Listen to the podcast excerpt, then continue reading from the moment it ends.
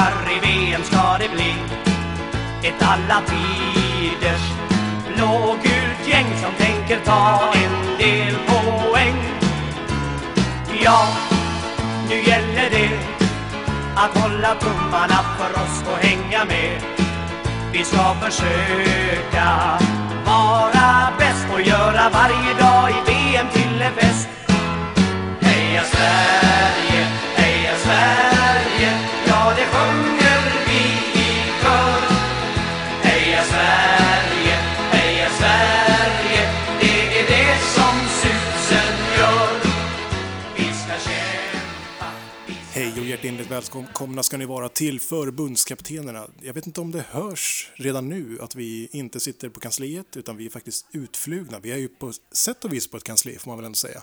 För vi är ju på våran Västerås-filial. Vi sitter hemma hos dig, Jocke Björkvall. Jajamän, vi sitter här på Disas väg 40 i Västerås. Oj, nämnde jag adressen nu? Kommer det komma en massa sådana eh, fans här liksom utanför huset? Eh, tror du att det finns någon risk för det? Galna fans som kommer här. Liksom. Det vore väl härligt i och för sig. Eller få liksom lite så här eh, underkläder från våra lyssnare i, mig, i brevlådan och sånt där. Ja, jag tycker att historiskt sett har det all, allt för lite sånt eh, från våra fans om jag ska vara helt ärlig. Den enda som jag vet i alla fall att lyssna på den här podden, det är min granne Kenneth som bor här nere på gatan. Så han vet ju redan var jag bor i och för sig, så det är inte lika effektfullt kanske. Att... Ja, men precis. Och eh, hur, hur skulle det kännas att få hans, eh, hans kalsonger i brevlådan? Nej, men det kan vi väl, kan vi väl undvika. När du hör det här Kenneth, eh, ta det inte personligt. Eh, det, det är en shout-out och jag tycker att det är jättekul att du lyssnar på vår podd. Nej men eh, absolut, och jag får väl ändå säga att vi får väl räkna med att det blir en del eh, kalsonger i, i brevlådan om det kommer från våra lyssnare. Vi, vad jag kan se, lyssnarstatistiken, så är det inte jättemycket tjejer som lyssnar på vår podd, tyvärr. Nej, men kan man säga att vår statistik följer ungefär en, statistiken på en fotbollsmatch generellt? Eh, ja, men det skulle man väl kunna säga. Sådär. Den blir liksom eh, mer och mer ointressant ju längre den pågår. liksom, I alla fall om man pratar om svensk landskamp. Ja, ja, men exakt. Det är kanske någon som trillade in något avsnitt tidigare, men fattar ganska fort att ja, det handlar bara om fotboll. Ja. Ja. Ja, men vi får väl eh, göra så gott vi kan i alla fall för att... Jag, jag har inte gett upp. Jag tror att vi kan eh, locka tillbaka dem. De Tillbaka kommer, dem. sakta men säkert. Absolut. Nej, men äh, jättekul att få, få ses live. Bara en sån sak. Ja, men eller hur? Vi- Vi kan till och med röra vid varandra. Ja. Eller känner oh. Exakt, det kändes konstigt. Vi sitter ju här, vi har var, var, varsin kopp kaffe och en skål med jordgubbar. Så det känns liksom lite så här semiromantiskt på något sätt. Eh, Vi, har liksom så här, vi sitter liksom så nästan att, och, så här, och, och slickar varandras rövar på något sätt. Här. Jag sitter här med en Västerås Comedy-mugg, eh, vilket är din stand-up-klubb här. Exakt, jag sitter med en, en mugg som det står replay på, som är din andra podd som du, om kring tv-spel. Så att det, det är något konstigt rövkysseri som håller på Ja, här. verkligen. Men, eh, men fint ändå, på något Ja, sätt. Stö- absolut. Stöttande. Ja, det tycker jag. Hur mår du annars då? Eh, jag mår bra. Eh, det känns som att man har, man har landat i någon form av ro nu igen sen, eh, ja, that we shall not speak of, or we shall speak of today. I think we shall speak quite a lot. Ja, det, det kommer vi göra. Men om vi väntar bara några sekunder till med det så tycker jag väl att nu mår jag bra. Jag har ju semester och eh, ehm, jag, har, jag har egentligen landat i Västerås nu mellan mina två semestrar. Jag har varit en vecka på Åland nu nyligen, eh, ute på stugan, det har varit asnice. Och nu har vi landat här tre dagar och nu ska vi åka till Skåne på roadtrip på, Hur- på måndag. Ja, vad härligt. Ja. Hur, eh, hur är det? Har, har Åland lyckats återhämta sig efter uttåget då? Jag tror att Åland inte brydde sig nämnvärt. Även om jag fick rapporter om att det var fullsmetat på krogen när Sverige spelade. Det Ja. var, det var sådana tillställningar där man, uh, ute, uteserveringar som visade matchen. Eh, och eh, enligt rapporter har det varit väldigt mycket folk där och tittat. Okej. Och finska laget då? Ja, där hade det väl varit ännu fler som har tittat kan jag tänka mig. Där hade det väl inte varit så mycket kul att titta på om man får säga så. Det har ju gått lite sisådär. Eh, det var väl första matchen då, vinsten mot Köpenhamn som var semi-ljuv ändå. Så mm. var det enda man kunde glädjas åt som finsk supporter det här året. Ja, men de gjorde ju en, en rätt fin insats även i, i matchen efter där. Var det mot eh, Nederländerna? Nej, Nej de spelade mot Ryssland i andra matchen. Ja, och jag tycker väl inte att det var en fantastisk insats i den matchen. Eh, de hade ju i och för sig... Resultatsmässigt var det ju okej. De höll ju... Liksom, var... 0-1 va? Ja, men, precis, ja, men matchen hölls ju vid liv ganska länge. Det var den och Finland hade även ett bortdömt mål med ja. väldigt nära, väldigt tveksamt, eller det var, det var väl korrekt, men det var väldigt eh, på håret med mm. den offsiden kan man väl säga. Eh, men givetvis, absolut. Eh, vi höll ut jättebra mot Belgien väldigt länge in i matchen. Så att där såg det ju faktiskt ut att gå vägen mm. och Finland skulle ta sig vidare. Men nej, Lukaku, det går inte att släppa honom. Nej, lite för bra just nu. Ja, får man verkligen. Säga. Ja, eller är han? Kanske inte bäst när det gäller. Nej, nej, precis. Han fick väl inte lägga straff, eller hur var det? han hann väl inte nu? Nej, nej, precis, precis. Eh, och det där är liksom, liksom lite konstigt eh, om, om vi ska ta straffar generellt. Eh, vi hade Frankrike nu, åkte ut på straffar mot Schweiz. Mm. Eh, där förstår inte jag hur man väljer att lägga Mbappé som sista straffskytt. Jag vet inte, vem hade du gärna sett som sista straffskytt? Någon mer rutinerad spelare, mm. äldre spelare skulle jag nog säga. Jag skulle mm. säga Karim Benzema som sista. Ja. Som dessutom är den mest, eh, det är väl deras bästa spelare förutom Pogba. Mm. Mm. Ja, nej men det var ju ganska tydligt att han inte kunde hantera pressen. Det, det vart för mycket för honom. Ja, och det är ju liksom, man glömmer bort nästan hur pass ung han fortfarande är. Eh, det, det är klart att han inte är oberörd för eh, nervositet. Även trots att han har vunnit skytteligan i ligan eh, tre år i rad eller vad det är och mm. liksom spelat eh, Champions League och ja, landslaget, vunnit ett VM-guld. Ja, nej men det är väl, det är väl den, den rutinen och den stjärnglansen som jag antar att är eh, motiveringen bakom till att ha honom som femte straffskytt. Mm. Men i det här fallet var det ju inte rätt, eh, kan vi säga. Nej, det var väldigt fel. Eh, den straffläggningen för övrigt var ju helt makalös. Vilka jäkla straffar. Fenomenal. Hur ja. många straffar var det? Alla, alla satte ju i första fem straffarna var, ja. så att säga. Och sen så gick det väl vidare så att det sattes varsin till. Jag kommer inte ihåg riktigt hur många det var. Eh, kommer faktiskt inte heller ihåg. Nej, vänta, var inte Mbappé femte straffskytt? Det vart 5-4 va? Är det så? Jag tror att det gick vidare till eh, att det blev 6-5 eller sånt kanske. Men nej, det, det, du, du kan ha rätt. Jag skulle inte satsa min själ på det här. Det, det jag minns i alla fall är ju att eh, om inte straffarna var liksom totalt eh, supervälplacerade så var de ju Alltså pang i krysset, stenhårda. Mm. Pogbas straff är ju helt otrolig. Alltså det är så mycket kraft. Ja, för fan vad snyggt gjord. Och, ja. Nej, jag tycker han, han, har gjort ett fantastiskt EM så här långt, får man säga. Det får man verkligen säga. Och det gör ju mig lite... Jag vet inte om jag ska bli glad för det som United-supporter. vet, när man mm. ser den typen av fotboll han har i sig. Mm. Och hur sällan tyvärr man får se den liksom i, i klubblaget.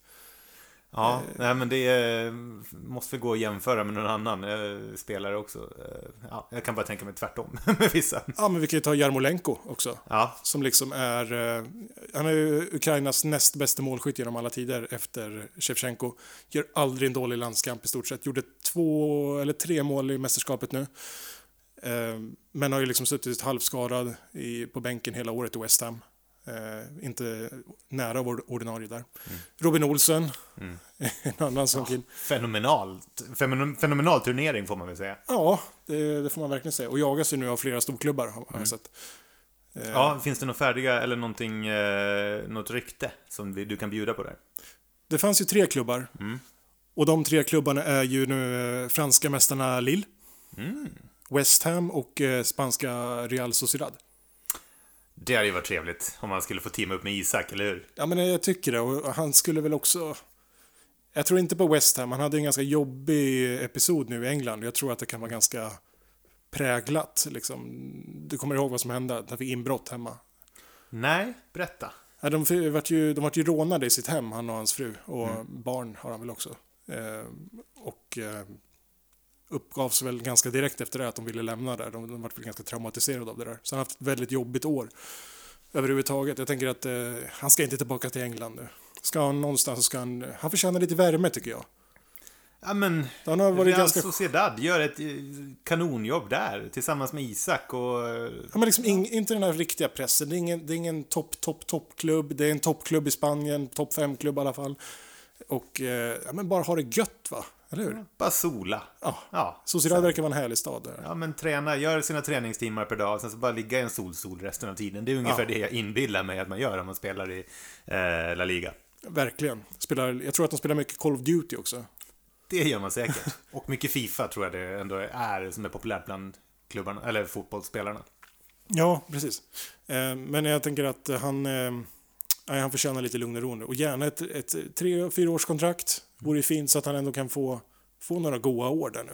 Och eh, för att fortsätta prata lite grann om Isak då, så får han ju sällskap av honom i ytterligare fem år, för att det är ju klart att han har kritat på till 2026 eh, i Real Sociedad nu, med en inköp, utköpsklausul på en miljard. På riktigt, vart det så högt? Ja. Vad jag läste, i alla fall flyktigt, i en rubrik i Aftonbladet så var det en miljard. Ska vi bryta ner Alexander Isak lite grann? Alltså, Det kan vi göra. Det finns mycket att prata om eh, vad det gäller honom just nu, skulle jag säga.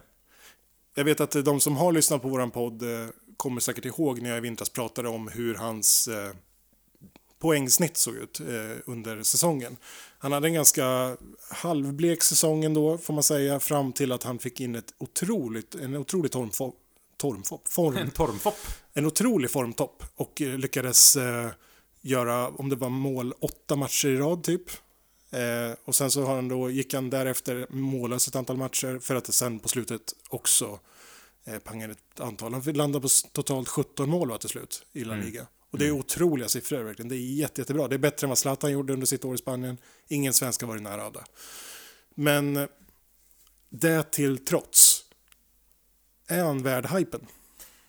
Nej, är väl det enda korta och eh, korrekta svaret, tycker jag, på den frågan. Eh, jag tycker att det är lite obegripligt att han har fått den hypen som han har fått under den här turneringen. Ja, han har gjort några coola grejer. Han gjorde en eh, fenomenal dribbling en gång mot Slovakien. Ja, den var ganska rolig. Den är rolig att se uttaget, liksom, när han, han håller bollen väldigt länge. Men Ja. Det är snyggt och kul att titta på och det är väl det som kanske får mångas ögon kan jag tänka mig också. Att han eh, har på det sättet kanske ett mod som är ganska sällsynt, kanske i hans ålder framförallt och så vidare. Att han har en stor potential. Eh, och eh, det visar han ju också mot Spanien. Han eh, hade ju ingen respekt för dem. Han körde ju bara på och skapade ju vissa kanonlägen eh, i den matchen. Men sen tar det ju slut tycker jag jag tycker att jag blir inte riktigt klok på honom faktiskt, eh, vad han är för typ av spelartyp. Eh, jag läser mycket om vad andra skriver om honom och de pratar om hans blick för spelet och hur han liksom uppfattar saker innan de händer. Men lite på samma sätt som man har pratat om Zlatan, liksom, att han har liksom ett eget tempo. Jag tror Erik Niva som skrev det, Isak har ett eget tempo på plan som, som ingen annan har. Liksom, det ser ut att gå långsamt men hans tanke är liksom två steg före alla hela tiden. Jag eh, kan inte riktigt se det. Nej, samtidigt som om, man, om, om, om det som du säger, det är Erik Niva som har skrivit det, så då, då, då finns det ju någon form av trovärdighet till er, att det finns någonting där. Men jag tycker att det, det, är, det är ingenting som är lätt att se i så fall och har visat sig på det sättet i landslaget i alla fall. Inte i alla fall under den här turneringen. Eh, Jag tycker att Eh, ja visst, han har fått till några bra passningar där, liksom ur lägen som man inte trodde var möjliga. Men i övrigt så har han väl eh, inte bidragit med så mycket, ska jag tycka, i de här matcherna. Han har ju framförallt inte bidragit med mål. Nej, och det är väl kanske det man ska förvänta sig av honom eh, i den rollen som han har som vår nya, får man säga, stjärnspelare. Ja, och eh, om man talar om liksom, vi kan ta Marcus Berg då återigen, liksom, hackkyckling nummer ett. Han gör inga mål. Han, eh, han hatas och han hatas och han hånas och det är, liksom, det är ganska, o, ganska otäck stämning. Han fick dessutom otroligt, han fick både hot och grejer efter sig efter Spanien-matchen. Vilket ledde till polisanmälningar och sånt. Men jag hör ingenting sånt när det pratas om Alexander Isak. Nej, Han det kom- är märkligt det där liksom, för att eh, det, det är ju för att det har börjat, eh, alltså Det är för att han är ung och spännande, är det det? Ja, eller hos Berg hade det väl växt fram hos många att det blivit en sån här snackis att han inte gör mål. För att han hade ju ganska lång period utan Ja. att göra mål där i landslaget och då har det blivit liksom någon hang-up eh, hos allihopa. Jag menar, jag menar, jag själv skojar ju ganska mycket ofta om det. Absolut. Eh, men eh, sen ser jag ju såklart värdet i att ha Berg i landslaget, det andra jobbet han gör. Som jag kan tycka att kanske inte Alexander Isak gör på samma sätt. Nej. Han, eh, så att det finns en värdefull ett värdefullt syfte att ha Berg på plan, även om man inte gör mål, som kanske inte finns med Alexander Isak. Mm. Eh, men nej, det där drevet var ju otroligt eh, obekvämt att det där sker varje gång någon svensk spelare gör någonting, någon miss idag. Liksom. Ja, precis. Det- För det är inte första gången. Eh, Det var ju för, eh, är det, hur många år sedan är det? Åtta år sedan, typ, eh, när Sverige åkte ut mot Ukraina. Kanske till och med tio år sedan. Eh, När Micke Lustig inte höll sin stolpe. Just det. Vart ju otroligt liksom, det har ju folk inte släppt än. Nästan. Nej. Och sen 2018, eh, Jimmy Durmaz. Jimmy Durmaz, eh, även lite, lite grann Robin Olsens eh, muruppställning mot Tyskland när vi släpper in en frispark i 90 minuten. Ja. Och Eh. vi hade nog haft ett drev om det inte var så att de stängde av kommentatorsfältet på Marcus Danielssons sociala medier häromdagen. Tror Mm. du inte det? Jo, det tror jag verkligen. Ehm, det, det, det är ju så otroligt... Det, vi har ganska hemska supportrar faktiskt när det kommer till kritan. nej men faktiskt, här har vi ändå liksom, eh, vi har, vi har en, en, en trupp, ett antal killar, eh, hur många? 25 stycken eh, Ja. i truppen. Som ändå gör allt de kan för Sverige. De, de gör ju sitt bästa, de kämpar, de sliter, de tar skador och allting liksom i, i de där matcherna för att för att de är stolta, för att få representera sitt land och göra sitt absolut bästa. Och det är ingen som är där för att de inte tror att de kan bidra. Det är ingen som tänker att ah, men det är kul att få åka iväg med landslaget och träna lite grann och liksom hänga med på den här resan. Det är inte det. Alla tror ju att de är med för att de ska kunna göra skillnad och bidra. Och så är det ju verkligen. Jag, jag tycker att det, vi måste kunna liksom skilja lite grann på, det, det får inte gå så här hårt åt. Jag tycker att det är otroligt obehagligt faktiskt. Nej, man får såklart kritisera. Man får diskutera och eh, prata kring hur spelare gör ifrån sig. Men man får absolut inte eh, ta det så långt så att det blir ett drev och det kommer regelrätta hot mot spelarna. Det då, då har man nog crossed the line eh, flera gånger om. Verkligen, och till och med, jag vet, jag brukar ju säga att vi, jag inte tycker om eh, kanna på-killen. Liksom. Ja, till och med han fick ett drev emot sig. Det var det jag skulle komma till. Ja. Precis, jag menar, jag kan ju sitta och säga hur mycket som helst att jag tycker att det är skittöntigt att han har den där kannan på huvudet. Och, och, och det är väl fine, och det tror jag han tycker är fine också. jag, menar, det, Han tycker det är jättefint. jag tror inte att han har den där för att, för att folk ska tycka att han är cool, utan han gör det bara för att han tycker att det är roligt. Och, Och för att han har blivit en ikon bland supportrar i dagsläget. Ja, verkligen. Eh, Men han fick ju ett rejält drev mot sig nu. Ja, och nu, eh, jag vet att jag läste den där artikeln, men jag fattade aldrig riktigt bakgrunden till själva drevet. För att jag menar, eh, var den enda orsaken till det drevet att han ansågs vara töntig och pinsam på något sätt? Eller var det någonting annat som låg bakom det? Ja, men det är min uppfattning också, att det finns inget liksom...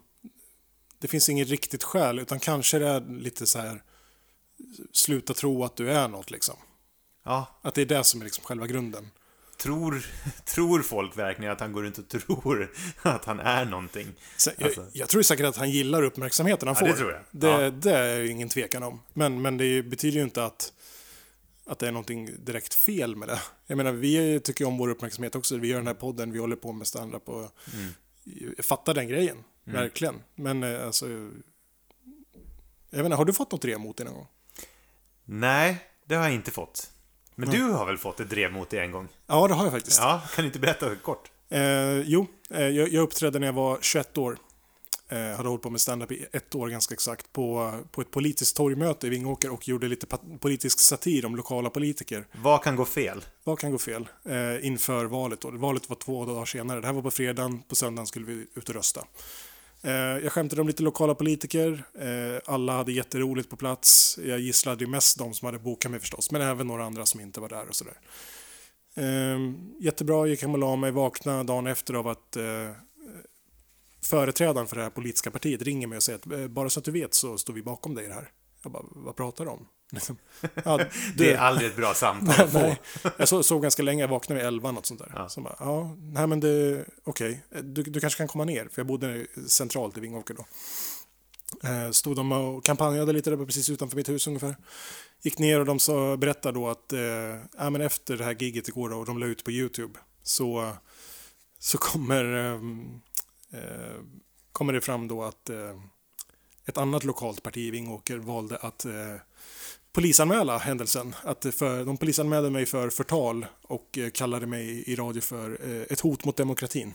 Ja, det är förtal. Alltså, kränkande att uttala sig om någon på ett sätt eh, där man avser att, att, att skada och kränka någon. På det här sättet så sprids ju också då så att eh, hans familj kan då påverkas.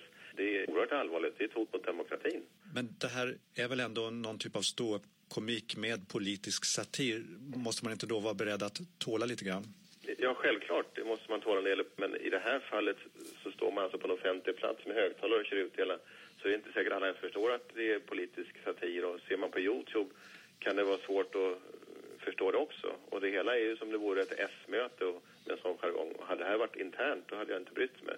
Men nu är det offentligt och dessutom gått ut på nätet. Ja, det handlar om Fredrik Appelgren som i våras hoppade av från Socialdemokraterna och gick med i vägen till livskvalitet. Appelgren är en av de som gisslades på Socialdemokraternas torgmöte i Vingåker igår där den lokale ståuppkomikern Henrik Kjellman framträdde.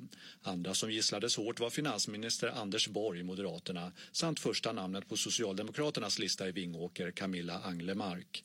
Ett filmklipp från torgmötet har lagts ut på Youtube och kan alltså ses av alla som har tillgång till internet.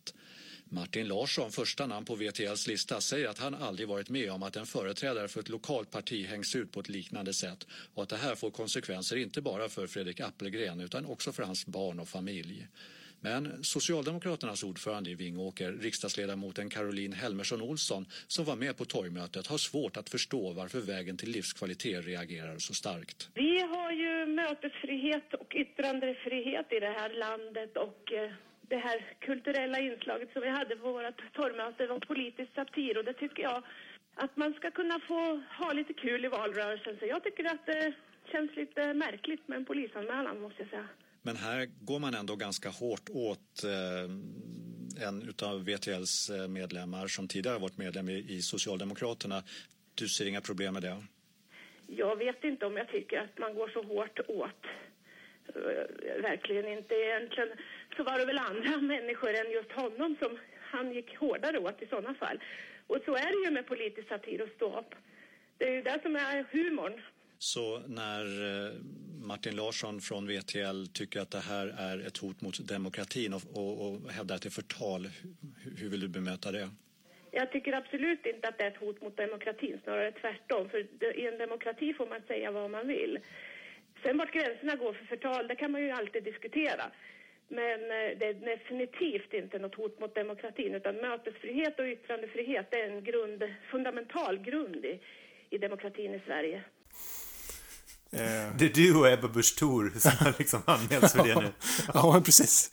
Och eh, det här var så himla, himla konstigt för att jag, jag hade verkligen inte liksom gått så hårt åt dem som anmälde mig. Men det var ju verkligen så här röstfiskekampanj. Liksom. Det var precis i, i slutet, dagen före valet och sådär.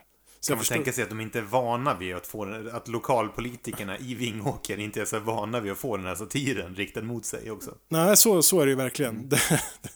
Mm. för de hade ju, det fanns ju verkligen ingen... Eh, jag tror ändå att de också blev sura av det. Liksom, de kunde inte riktigt ta det, du vet. Men eh, det blev ju liksom polisanmälan, men det gick ju vidare då. Justitiekanslern, så JK anmälda blivit. eh, varit nedlagt då för att vi kommer fram till ungefär att vi har ju yttrandefrihet i Sverige. Just det, det var den lilla detaljen ja. som glömdes bort där en stund. Ja. Precis, så det är ju en väldigt konstig upplevelse. Men det var inte så himla jobbigt egentligen. Det som var jobbigt var det som hände sen. Det var ju det att det blev ganska mycket artiklar i lokaltidningen om det. Det blev som en följetong. Mm. Och jag var inte sådär jätterustad för det eh, när jag var runt 20 där. Och, och folk var ju, det var på den här tiden när man inte hade knutna konton till sociala medier och sådär, utan man kunde kommentera anonymt. Ja, just det. Eh, det var ju väldigt vanligt på Aftonbladet, direkt på sidorna och sådär. Mm, det var ganska obehaglig tid. Ja, det var det verkligen. Och eh, det var ju verkligen så det blev här också. Folk eh, skrev alltså så vidriga saker om, om mig som person och liksom om vad jag var för typ av människa och vad jag för, hade för människosyn och, och sådär. Så, jag, så jag, jag fattar verkligen hur man mår i en sån här grej. Jag uppträdde ju inte på över ett år efter det. Mm. Så jag, det var, jag tog en längre paus då än vad jag gjorde i pandemin. Man kan väl säga så här, det var väl lite tråkigt att det här hände dels i Vingåker för att eh, an, skulle det varit kanske en eh, större stad än sånt så kanske liksom politikerna varit mer vana vid satiren. Mm. Och dels hade kanske tidningen haft någonting annat att skriva om ja. än det här liksom att göra en följetong av det. Mm. För det tror jag inte hade skett kanske i ett större samhälle på samma sätt. Men Nej, här precis. blev det ju lite av en, oj det händer någonting. Mm. den här lilla stan. Ja men exakt, det, blev ju, det som var konstigt var att det blev ju en beef mellan mig och en 45-årig man typ. Så, så här, som jag skulle så här, vi svarade typ varandra. Är det han som också eh, är kritisk till alla dina krönikor du har skrivit? Ja, Ja, det är samma person. ja det är samma person. Okej, såklart. Så den fortsätter liksom, den beefen, långt efter? Ja, ja visst. Det släpptes inte. Härligt. Ja, det var en härlig tid. Definitivt. Eh, var var vi? Ja, eller hur? Drev. Vi pratade om Drev, vi pratade om Marcus Berg, vi pratade om Alexander Isak. Vi pratade om Isak. Det var Mm. någonstans där vi eh, skulle bryta ner va? Precis, men jag kan väl säga så här att ä- även om jag tycker att Isak inte har levererat någonting just det här mästerskapet så känner jag väl fortfarande att det finns en hoppfullhet kring honom. Och det är det där som jag tror är grejen. Du vet, Ja. man ursäktar hela tiden det här för att man vet, men han har ju mycket boll i sig. Det kommer ju att bli bra. Och jag tror att det finns, vi är fortfarande i en sån här tid att Zlatan har ganska nyligen lagt ner landslaget och i visserligen nu också kommit tillbaka. Men vi har ju fortfarande letat efter någon liksom arvtagare till Zlatan på något sätt. Där tror jag liksom någon som kan axla den här stjärnrollen där framme på något sätt. Och då har väl många sett att Isak är en potentiell sådan. Eh, och eh, det kan jag väl känna själv också, att man, man verkligen skulle vilja ha den där liksom som kan trolla där framme. Liksom. Och det, det är det man hoppas att han ska kunna bli med lite mer rutin i benen kanske. Ja men verkligen, och jag håller med. Jag tror verkligen att han är den spelaren. Eller en av de spelarna ska vi säga. Vi har ju ett gäng nu som, som verkligen kommer kliva fram tror jag. Och, eh, och göra liksom, vi, vi har ju faktiskt toppspelare i, i både Spanien och Italien nu till exempel. Kulusevski, Isak. Eh, jag tror att Svanberg eh, inom eh, kort kommer att gå till en stor klubb i Italien. Eh, vi har en otrolig, vi har en mitt, mittback spelar i Manchester United, ska vi inte heller glömma. Nej, nej, otroligt bra. Och han har ju verkligen levererat det här mästerskapet tycker jag. Ja, han gör egentligen två misstag och det blir faktiskt två eh, ganska viktiga mål. Eh, Dessvärre. Men, men å andra sidan, Can't blame him nej. för det. Eh, det han, han, annars har han skött sig väldigt exemplariskt skulle jag säga. Mm, jag är jättenöjd med båda mittbackarna eh, totalt sett över mästerskapet. Absolut. Och sen så har vi även då en spelare som, jag, som det har snackats lite om nu som det kanske är för tidigt att prata om honom som ett jätte, att han ska ta det här sista klivet in i landslaget, för han är bara 18 år. Kanske 19 nu, men det är ju Anton Elanga. Just det. Som, nej precis, inte har gjort någon, eh, någon form av framträdande i landslaget än. U21-landslaget Okej, mm, har han gjort. Och gjorde mål när han var där. Jag tror han gjorde två mål faktiskt till och med. just det. Eh, och är en jättespännande spelare som eh, har gjort en jättefin säsong i eh, laget i Manchester United. Han tillhör Manchester United också. Ja. I deras ungdomslag där har han gjort en jättefin säsong. Han eh, eh, klassas som en av de absolut bästa spelarna där just nu. Eh, fick ju hoppa in, komma upp och göra A-lagsdebut i våras. Spelade både Europa League och i slutet, sista matchen i, i Premier League. Jag tror att det var mot Fulham och gjorde ju mål. Ja, jag ska, jag ska erkänna, jag har jättedålig koll på honom, men jag har ju sett Mm. att hans namn börjar poppa upp mer och mer. Han är ju son till eh, gamla Malmö FF storspelaren, storbacken, Josef Elanga. Som, eh, som vann eh, SM-guld med Malmö 2004, tror jag det var. Ja, När det, var, det är också ny information för mig. Ja, men eh, är ju, som är inte en svensk eh, fotbollsspelare, Josef Elanga, men Anthony Elanga då, född i Sverige och fostrad här och har nu valt då att representera Sverige. Och det är ju fantastiskt roligt. Så Ja. eh, det är någon man absolut vill se mer av. Och eh, jag läser ganska mycket om ja, dels, eh, dels bloggar i, från England som följer eh, ungdomslagen där och de håller Anthony Elanga otroligt högt. Eh, de tror verkligen att han är en av de här spelarna som kommer att eh, ta sig in i A-laget. Likt Mason Greenwood, eh, Marcus Rashford gjorde för några år sedan, eh, Scott McTominay. Liksom. Han tror, de tror att han är en av de som kommer gå hela vägen från ungdomsledet upp. Och det är ju väldigt, väldigt spännande. Och är man en spelare i Manchester Uniteds A-lag, då tänker jag att man ska vara med i landslaget. Ja, det, det ska man vara. Eh, det är ju en fantastisk situation i vårt landslag om det är så att eh, det fortfarande är för hög konkurrens för att han inte skulle vara med. Men eh, jag kan ju inte se att det är det. Han, han ska ju vara med i truppen oavsett. Han ska i alla fall vara med i diskussionerna, han kan inte vara långt borta. Nej. Sen har vi också en liten bubblare där med Jordan Larsson. Ja. Som också... Det finns en viss... Nu vet jag hur gammal är han just nu? Jordan Larsson, jag tror att han är född 90, kan han vara 25 typ? Mm. Så han är ju lite äldre, men eh, fortfarande, han har en... Det finns en potential kring honom också. Att han ska kunna komma in och leverera. Verkligen. Det, det är en angenäm situation ändå för Jan Andersson måste man ändå säga att ha de här spelarna att välja på. Men också så bäddar det ju för att han lär få en del kritik framöver i sina uttagningar. Ja, så det kommer det vara. För det, det, det finns ju snart lite för mycket att välja från. I alla fall vad det gäller anf all- anfallare. Eh, Det ser väl lite värre ut kanske kring mittfältare och försvarare kan jag tycka. Jag vet inte, hur ställer du dig till, hur ska man göra en generationsväxling på bästa sätt i ett landslag? Nej, jag... eh, Oj. Jättesvårt. Det är liksom, man, man kan ju inte... Det, det, det bestraffar ju sig om man gör en för kraftig generationsväxling på en gång. Liksom. Det känns som att man behöver på något sätt suga åt, suga åt sig av erfarenheten från de här lite mer rutinerade äldre spelarna. Eh, så att eh, den, den behöver liksom vara ganska... Det var ett konstant skifte tror jag. Man får inte accelerera för mycket där. Nej, det har vi ju sett exempel på. Danmark till exempel har gjort ett sånt eh, skifte där de egentligen har bytt ut hela sin trupp. Och de har ju haft ganska dåliga år får man ju säga. Även eh, England har gjort det nu. Eh, Italien har ju definitivt gjort det. Spanien. Alla de länderna har ju fått gått tillbaka lite och haft några svagare år. Tyskland ser vi är ju på väg och måste göra det nu. Eh, det är två raka fiaskomästerskap. Men jag tror att är det inte värt då? Är det värt att ta ett par år när det går lite sämre för att jobba in ett nytt landslag? Eller ska vi... Vilka, vilka skulle du vilja eh, behålla av de äldre spelarna? Nej, men nu, nu har vi ju ändå ett gäng som kommer att sluta. Eh, vi vet ju att eh, det är väl bekräftat nu att både Lustig, eh, Sebbe Larsson vem var det till nu då? Marcus Berg, Marcus Berg. Marcus Berg är, den, är den jag har hört har bekräftat att han slutar. Ah, Okej, ja, det, det kanske är obekräftade uppgifter kring Sebastian Larsson och Lustig. Ja, Eh, de två. Lustig ville ha några veckor att fundera eh, på det här nu efter uttåget. Sebastian Larsson har väl sagt att han funderar på det också.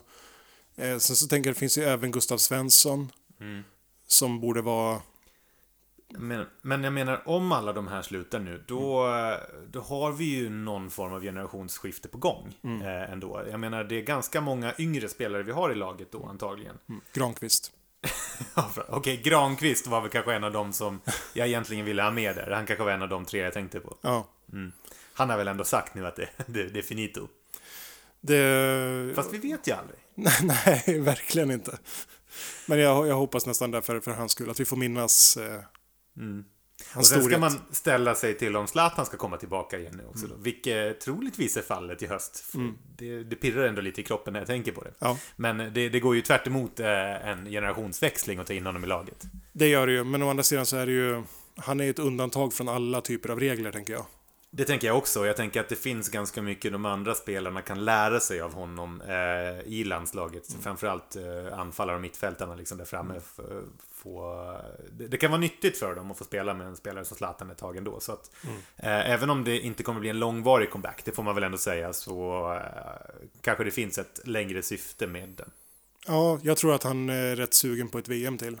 Eh, och det är ju det är ganska långt bort fortfarande. Det blir december nästa år. Precis, det är ju lite närmare än vanligt eftersom vi ändå har skjutit på det här eh, Europamästerskapet ett år. Eh, Men ja, exakt. December, hur känns det då? Vad- Hur ställer vi oss till det? Qatar? Det är lite kluven, men samtidigt kan bli lite häftigt också. Kan vi få ett VM-guld i julafton, tror du? ja, det, det hade varit en bra julklapp. Exakt. Jag nöjer mig med en semifinal till julafton. Ja, verkligen. Man ska inte vara girig sådär.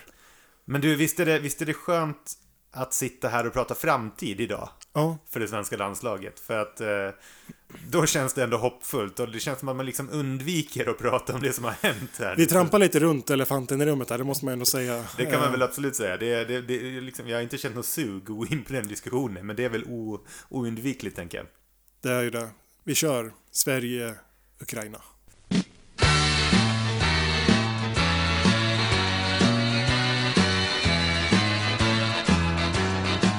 Vart ska vi börja egentligen i den matchen?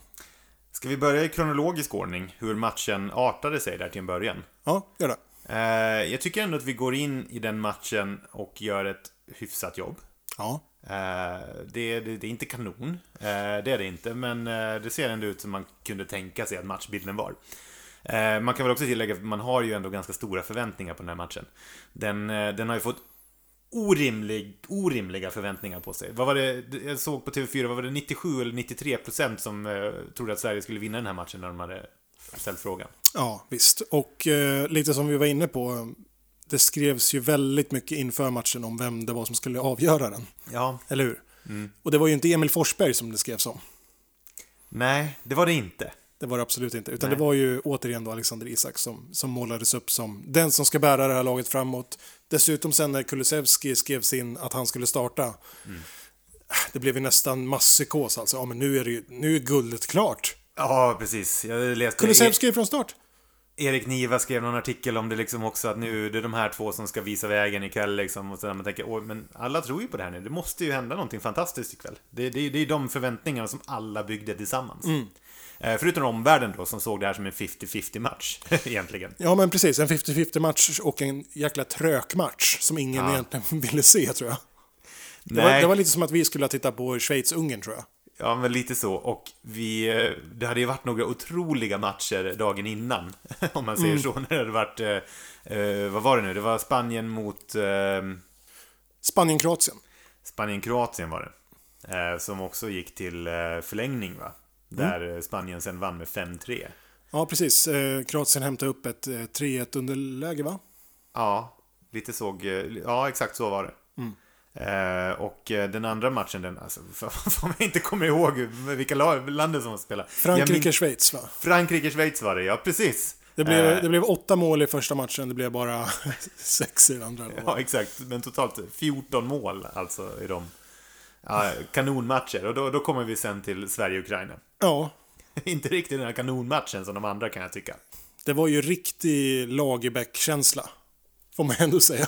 Ja, jo men det var det. Man tänker så här, ja men det fanns mycket hoppfullt i matchen och det hoppfulla låg väl i de sekunderna då Forsberg hade bollen i princip. För att då hände det ju faktiskt grejer, tycker jag, i den här matchen. Verkligen, Forsberg är ju ett undantag måste man ändå säga i Sverige. En spelare som väljer att eh, alltid vända uppåt, vända framåt. Vilja någonting med sitt spel, vilja försöka hitta de här ytorna, vilja försöka hitta medspelare, göra något kreativt. Och som jag sa när vi gjorde vår live-podd, att hellre en spelare som försöker och misslyckas några gånger, än en spelare som liksom bara vänder hem och passar hem. Och det är ganska sällan han misslyckas också. Han lyckades ju vända bort de flesta spelarna och skapa någonting av allt, i princip. Han, ja, men verkligen. Allt han eh, gör blir väldigt, väldigt farligt. Och det är ju det är ju väldigt kul att titta på. Man känner ju verkligen en... eh, Man får liksom nästan syre själv när man sitter och tittar i soffan. Att, men det här är liksom så här, det här är den typen av positiv fotboll som, som, jag, som jag tror att de här spelarna har i sig. På något sätt. Och då undrar jag, vad är det som håller dem tillbaka? Är det Jannes matchplan som är så, liksom, att de är så lojala till den? Att Ja, jag vet inte. kväver den kreativiteten? Ja, jag vet inte. Eller är det liksom att det bara inte funkar? Jag vet inte vad, vad det är som gör det. För vi spelar ju ändå ett väldigt stolpigt eh, liksom, uppställt, om man ser till. Det är inte modern fotboll vi spelar, vi spelar ett väldigt välorganiserat 4-4-2. Alla är väldigt tydliga med vad de ska göra. Dock ett litet undantag som jag tyckte var väldigt kul att se i den här matchen. Det var ju det att eh, Forsbergs fri, fria roll gjorde ju att Augustinsson nästan klev upp som en yttermittfältare. Och Marcus Danielsson var ju uppe som ytterback nästan och spelade i stort sett hela matchen. Han var långt upp på vänsterkanten. Ja. Det var, det var väldigt kul att se faktiskt. Eh, Just för att Danielsson är en som väldigt bra spelare med fötterna också. Men det känns som Foppa ska ha en fri roll där. Liksom. Ja. Han ska... Jag, jag säger så här, Foppa spelar var han vill just nu. Men det, ja, verkligen, han, eh, han har ju en sån mässig roll verkligen. Han, han gör det som han vill. Han hjälper till i försvaret om han vill. Kan vi inte snälla nu allihopa sluta hypa Isak ett tag Mm. och börja hypa Forsberg mer? Jag tycker inte ens vi behöver hypa Forsberg. Jag tycker vi bara ska berömma honom för han har visat verkligen liksom klassen. Kan vi ta dagens hyllning redan nu till, till Foppa, tycker jag? Ja, det kan vi göra. Om vi Dagens går hyllning hem- till Foppa. Och dagens, applåd då. Dagens applåd. Ja, det är, jag är den första att, att erkänna när jag har fel. Och jag har kritiserat Forsberg i fem års tid tror jag. I stort sett. Fantastisk i kvalet fram till EM 2016.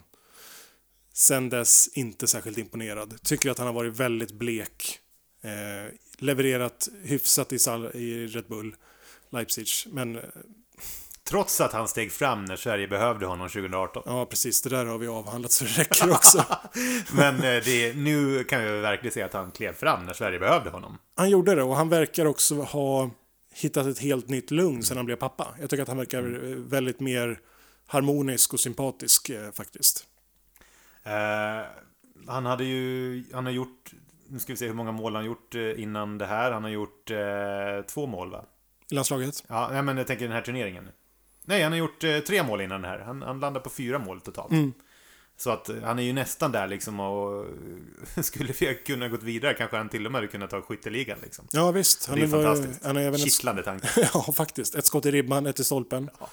Helt otroligt. Men om vi, om vi tar det här lite i kronologisk ordning då. Det som händer då det är att eh, 27 minuten så gör eh, Oleksandr Sinchenko eh, mål. Han lämnas ju egentligen ganska fri eh, där på, eh, på ena kanten och kan ganska lätt placera in bollen.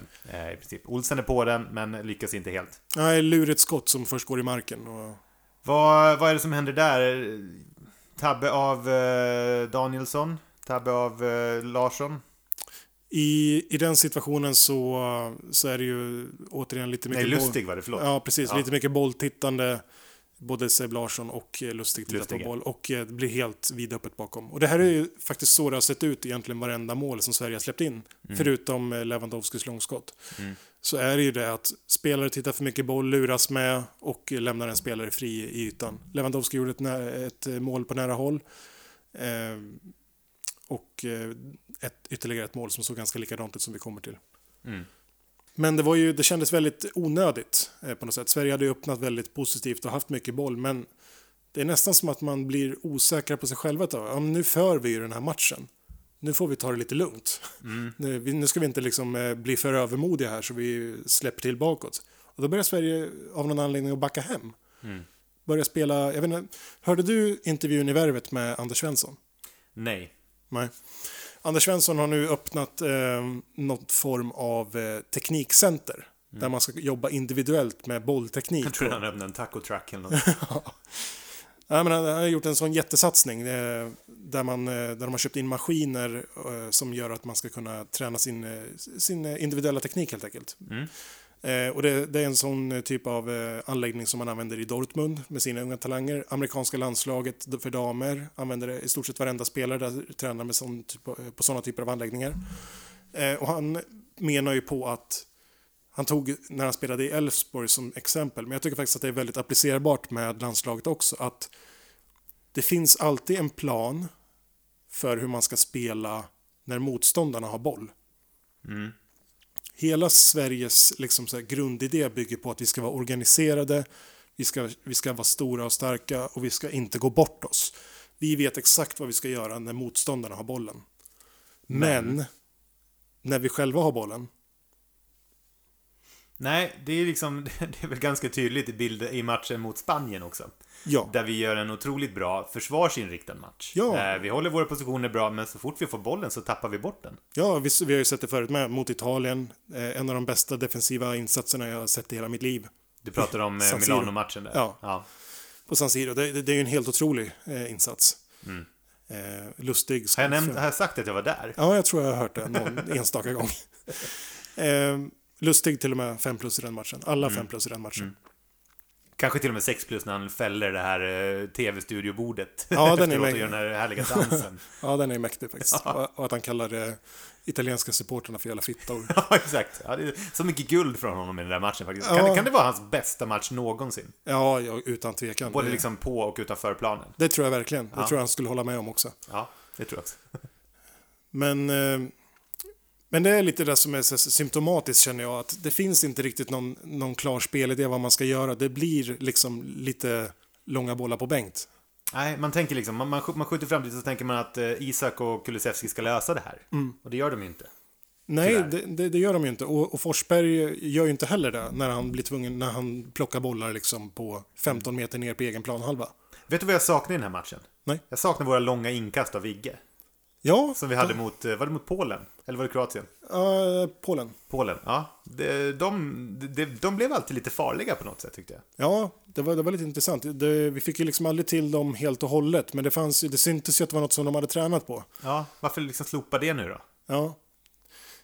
Och eh, något som inte heller funkade, återigen, som vi var inne på i den här matchen, på tal om inlägg. Mm. Sebastian Larsson. Ja, nej, gör väl Vä- ingen kanonmatch. Jag kanske lite eh, den som skulle ha markerat eh, målgöraren i 0-1 målet också, Mm. tycker jag. Jag, jag tycker att han eh, underpresterar ganska kraftigt i det här mästerskapet, tyvärr. Han gör ett bra eh, slitjobb, får man säga. Men jag tycker att han, när det väl liksom... Det som är hans styrkor, där kommer han inte alls till sin rätt. Hans högerfot är världsklass. Jag, jag, jag tycker verkligen att den är det fortfarande. I sina, liksom, hans tillslag är något extra. Men i den här, han har inte en lyckad offensiv frispark, han har inte en lyckad hörna på hela turneringen vad jag kan minnas.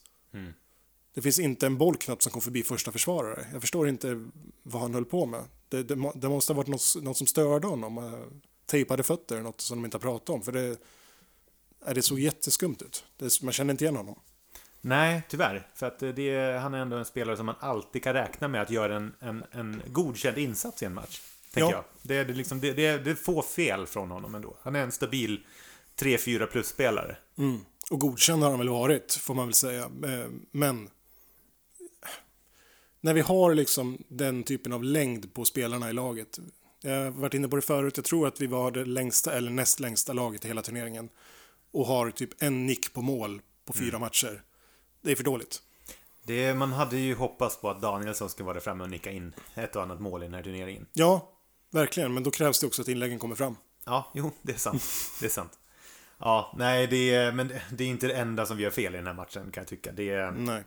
Eh, om, vi, om vi fortsätter med, med själva matchbilden där då så får man väl ändå upp hoppet igen. Eh, när Foppa fantastiskt får in eh, kvitteringsmålet i 43 minuten. Ja, så otroligt viktigt att få in det precis före paus. Och där kände väl jag att, ja men nu, när vi gick in i paus kände jag nog att det här är ganska lugnt nu. nu det här kommer vi att reda ut, för vi, första 15 minuterna var vi ganska dominant bättre än Ukraina. Sen så började vi backa hem, fega lite. Men liksom, det handlar ju om att våga, modet liksom så här. Får vi in det här målet nu, få lite arbetsro igen. Det kommer att lösa sig. Jag tänker så här, det kanske hade slutat bättre om vi hade legat under efter första halvlek och fått ett jävla peptalk i paus istället och så presterar vi en otroligt bra andra halvlek istället. Men det är, ganska lätt att sitta här och spekulera i hur det kunde ha gått. Men, eh, men när vi nu vet vad slutresultatet kommer att bli så är, så är det ju tråkigt att det blev som det blev. Andra halvlek då tickar ju på. Eh, vi har några farliga lägen. Ukraina har ett skott i stolpen. Eh, Sverige har ett skott i stolpen. Sverige har ett skott i ribban. Ja, bägge av Foppa. Bägge har Foppa. Eh, det svänger ganska mycket fram och tillbaka, men det händer inte så jättemycket egentligen. Eh, och här börjar jag någonstans ifrågasätta lite grann Jannes matchcoachning. Mm. Eh, Kristoffer Olsson gör en blek match igen tycker jag. I det här läget tycker jag även att Albin Ekdal hade kunnat varit ett vettigt byte. Att byta ut. Kanske sätta in Seb Larsson på en central mitt istället för att dela lite passningar. Sätta in Viktor Claesson. Men det händer liksom ingenting från bänken. På hela Nej, här har ju. Janne fått en del kritik för att bytena kommer för sent i den här matchen. Det får man väl verkligen säga. De kommer Mm. i den, vadå? Jag kommer inte ens ihåg när det var, men det var väldigt sent. Det var väl till och med på tilläggstid? Det var det till och med. Mm. Ja, nej, så att eh, han, han har väl motiverat det med att han har sina elva spelare som ska spela så gott de kan, liksom, så länge de orkar. Eh, I princip, men uppenbarligen så orkar de inte hålla emot. Men och, också, så kan man inte riktigt resonera känner jag. Eh, spelare ska inte spela till vilket pris som helst. Spelarna ska ju prestera. Jag menar, i ett an, jag tror att vi är ganska... Vi har en viss liksom, inställning i det här landet och liksom en kultur i, inom liksom, det här landslaget. Att, att, vi ska, att allt ska vara så familjärt och allt ska vara så gott. Eh, Jag vet inte om du läste Johanna Frändéns krönika att vi ska bli världsmästare i lagsammanhållning. Eller, Ja, va? exakt. Något sånt. ja, och det är väl jättefint i och för sig. Men det skapar ju inte heller direkt en vinnarkultur, riktigt känner jag. Nej. Gör det, utan allt är, liksom, är allt bara mysigt och allt bara är bra. Det måste också finnas lite, lite bra press, liksom sådär. det måste fin- finnas liksom något som taggar till. Ja, här saknar jag faktiskt Zlatan. Ja, Jag tror att den hade funnits med honom i laget Mm. på något sätt. Liksom, han hade skapat någon form av drömbild hos liksom många. Man tänker att ingenting är omöjligt när vi har honom på Mm. något sätt. Och det, är liksom, det finns en, en rädsla hos motståndarna med honom på något sätt som är jävligt underskattad stundtals. Mm. Bara hans närvaro i omklädningsrummet jag tror jag hade kunnat lyfta ja, men vilken spelare som helst. Liksom. Dels lite skräck, lite lagom skräck sådär och dels liksom så den här otroliga vinnarskallen till vilket pris som helst. Vi satt ju och pratade om det här, liksom, har vi den, någon av den liksom, typen? Har vi någon liksom, vokal ledare? Pontus Jansson kanske? Kanske. Micke Lustig tänker jag är en sån eh, som kan bli liksom taggad ordentligt och, och liksom lite hetsig sådär. Men annars så känns det som ett gäng filbunkar hela bunten. Ja, exakt. Ta, ta Isak till exempel, han har inte visat en enda känsla vad jag har sett. Nej, Som en robot på något sätt. ja verkligen. Ja, nej jag vet inte. Men eh, vet du vad jag tycker att vi förlorar den här matchen? Eh, Jag tycker att det är minut 85 när Foppa får det här lite, det gula kortet som inte kändes helt eh, rimligt egentligen. Otroligt märkligt. Ja, och då, då tror jag att det störde han sig på liksom, och där börjar vi tappa koncentrationen.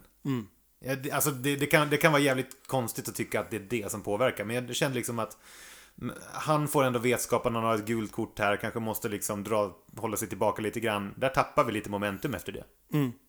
Ja, men jag håller med, verkligen. Det, det, han, blir, han blir väldigt störd över det, helt klart. Och man märker att de andra spelarna också blir frustrerade över det här. Sen eh, så är det ju, ja det, det blir ju till förlängning. Ja. Det blir eh, två förlängningar. Men eh, det som kanske är det som avgör mest då, på något sätt, är ju då att precis efter vi har gjort vårt trippelbyte alldeles för sent, Marcus Berg kommer in, Quaison kommer in och Viktor Claesson kommer in, så drar då Mackan Danielsson på sitt rött kort. Ehm, Korrekt eller inte, inte korrekt bedömning? Vad tycker du? Ja, men jag tycker inte att det ska vara ett rött kort. Jag, ty- jag förstår eh, liksom hur någonstans hur regelverket är format. Men jag tycker att han, han kan inte göra någonting. Nej. Han är före Ukrainaren kommer in väldigt, väldigt sent Han är på själv. boll.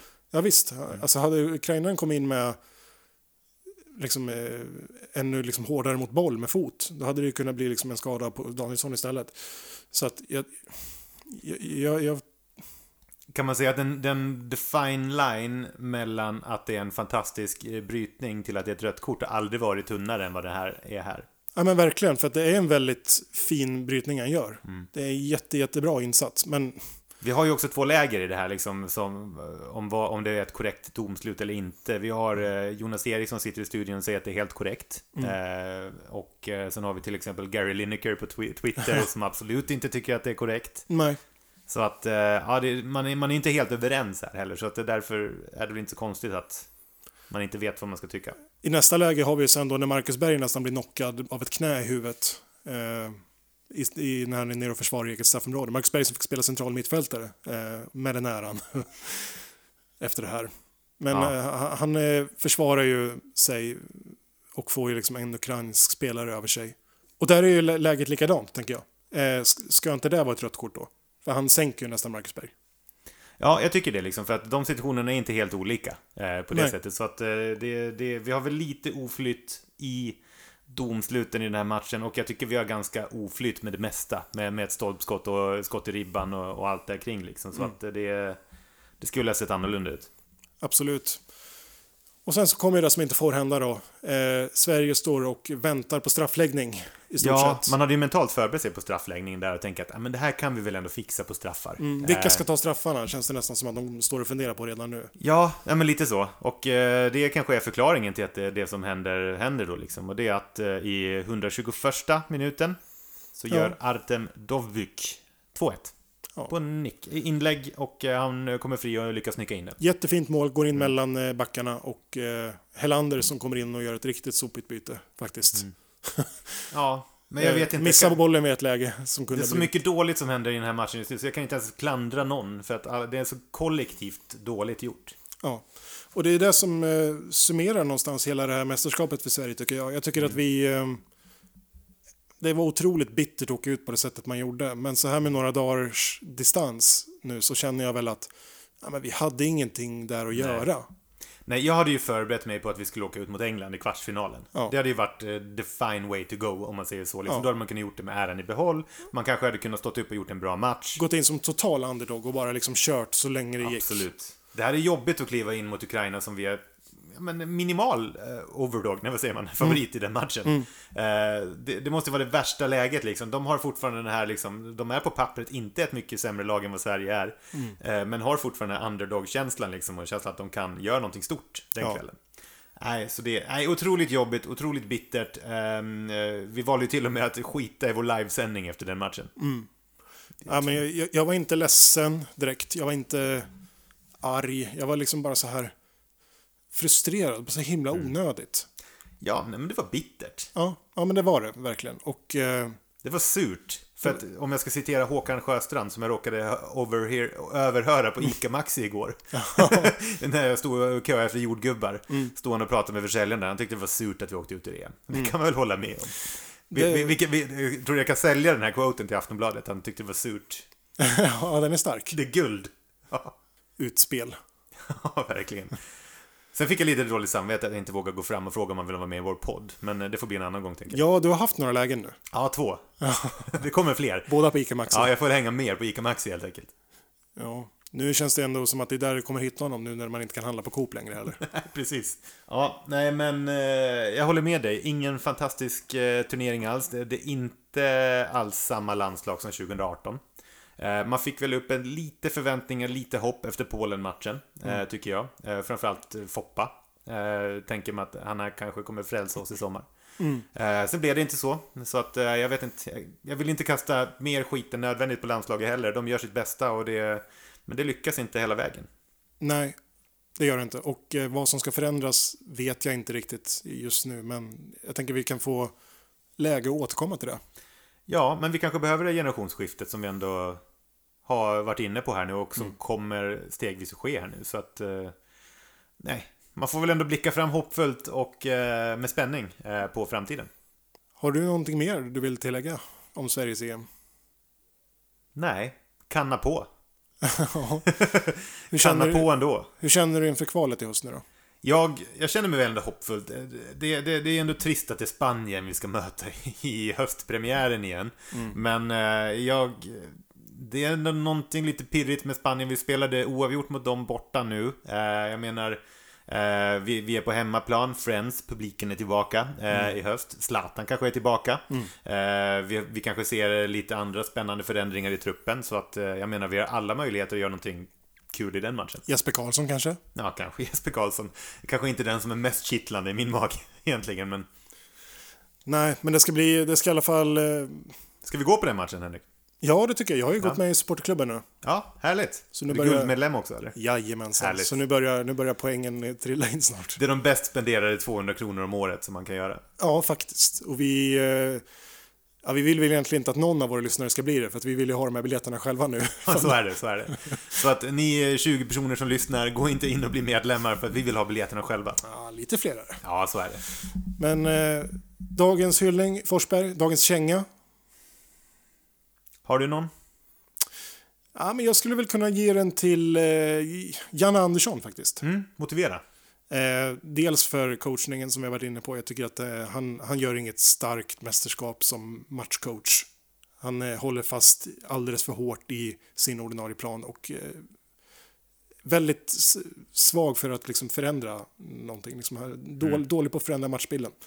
Han gjorde ett bra byte med Kulusevski, men det, är liksom så här, det, det räknas inte. Liksom.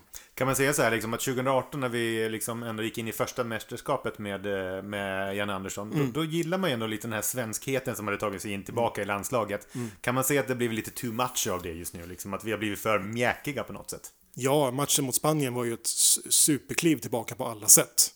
Det, var, det var elva tokrädda spelare som inte ville vara där. Han har lite att fundera på nu. Ja, det har han verkligen. Men det som jag vill känga honom för egentligen, det är ju det här som kom ut igår. Det har pratats en hel del under det här mästerskapet och det är någonting som, eh, jag vet du tycker inte är en rolig diskussion, du som är eh, Uefas största fan. Jag har Men- köpt två tröjor, Uefa-tröjor nu liksom. Alltså landslagsneutrala Uefa-tröjor. Eh, och det i kölvattnet då. Du köpte en och sen så kom det ut då att Uefa förbjöd Allians Arena att regnbågsfärga och då kände du att ah, men nu, ska, nu ska jag ha en till. Bra gjort Uefa. De behöver pengarna. Ja, verkligen. Eh, för de håller ju snart på att eh, alienera en ganska stor del av världen genom att ta ställning eh, mot mänskliga rättigheter egentligen. Verkligen. Eh, det, det, det som har varit då är ju då att eh, de har vägrat att eh, tillåta att regnbågsflaggan liksom, eh, hissas kan man säga. I stort sett. Ja, och bara det är ju otroligt konstigt. Ja. Att man gör ett sånt ställningstagande. Ja, för det är verkligen det man. Man tar ett ställningstagande. De hade bara kunnat skita i det. Ja, och alla hade varit nöjda och glada. Mm. De behöver inte ens säga bra gjort. Låt det bara vara. Och igår så var ju Janne Andersson ute och eh, eh, har ju fått frågor nu. Jag, tror, jag kommer inte ihåg vilken match det var efter, om det var efter Polen, men det skrevs om det igår. Att eh, hans hållning i det här är ju att, ja men Ungern då, som har varit liksom fokuset i det här, är att deras lagstiftning är förkastlig, tycker han. Eh, alla ska få rätt att älska vem man vill. Men, säger han, när vi är på plan, ska vi verkligen ha regnbågsbindel? Ska vi knäböja? Låt oss vara fotbollsspelare när vi spelar match bara. Och jag tycker att det är ett lustigt eh, uttalande med tanke på att, eh, kommer du ihåg hela den där kampanjen när man köpte Sveriges nya matchtröja? Mm. Att då skriver man på ett kontrakt liksom att man eh, säger nej till rasism och allt det där liksom mm. vad det var liksom. Så att där, där gör man väl ändå något form av ställningstagande. Ja, verkligen. Och eh, han har ju dessutom gått i Pride-tåget. Han har, jag menar, jag förstår inte riktigt var det här, var det här kommer ifrån. Det är ett ja. jätteskumt uttalande. Jättekonstigt för att eh, vi vet ju ändå att han har ändå hjärtat på rätt sida. Det, så är det ju. Men ja. eh, det, det, är fegt på något sätt att göra det. Han kanske inte orkar med mer skriverier helt enkelt. Så, så kan det vara, men eh, ett kraftigt underbetyg och eh, man får, han får inte liksom säga så här tycker jag. Jag tycker att det, det sänder alla fel signaler. Mm. dagens det, känga. Dagens känga till Janne Andersson. Det är första gången faktiskt tror jag ja. i den här poddens mm. historia. Men vi tror på dig Janne. Step up! Ta den här kängan nu och eh, tänk efter och eh, reflektera lite över din, dina värdegrunder och eh, spelartruppen till i höst. Mm. Även Peter Wettergren eh, ska vi säga också. Ni, ni, får ju verkligen... Ni har en del att fundera på till i höst. Men om du inte har någonting mer nu så tänker jag att vi eh, säger tack och hej för nu. Tack och hej, det var trevligt att pratas vid. Det har varit jättetrevligt. Ni har lyssnat på förbundskaptenerna. Vi finns på Facebook, vi finns på YouTube numera. Där finns Jajamän. det ett gäng vloggar som du har lagt upp och det kommer komma mera, kan vi lova. Eh, vi finns på Instagram, för, förbundskaptenerna heter vi där. Eh, gå med i vår grupp på Facebook, förbundskaptenerna diskussionsgruppen. Vill ni oss något kan ni mejla oss på förbundskaptenerna.gmail.com. Vi finns på alla poddplattformar du kan tänka dig. Är det någon som har mejlat oss någon gång? Det har hänt faktiskt. Ja, okay. Det var ett tag sedan nu, men det har ja, hänt. Ja. Mejla, det är en shout-out. Mejla någonting till oss. Ja, visst. Ställ, vad, vad som helst. Ställ frågor. Eh, kom med förslag på ämnen att ta upp. Eh, det här är en podd som handlar om landslaget i största allmänhet, men det är ju inte landskamper jämt. Vi vill ju även eh, vi vill ju kunna spela in annars med. Vi vill kunna bredda oss och det kommer att hända lite roliga saker framöver. Mm. Det kan vi lova. Det kan vi verkligen lova. Det här tar inte slut fastän EM tar slut. Nej. Nej. Det är, det är inte målet som är det viktiga, det är resan. Exakt. Vilka visdomsord. Ska vi gå ut med de visdomsorden? Sa Alexander Isak. Ja, exakt. Profeten. Eh, vi gör väl det. Ja. Ha det gott. Ha det gott. Tack och hej. Heja Sverige! Heja Sverige! Heja Sverige, heja Sverige, ja det sjunger vi i kör. Heja Sverige!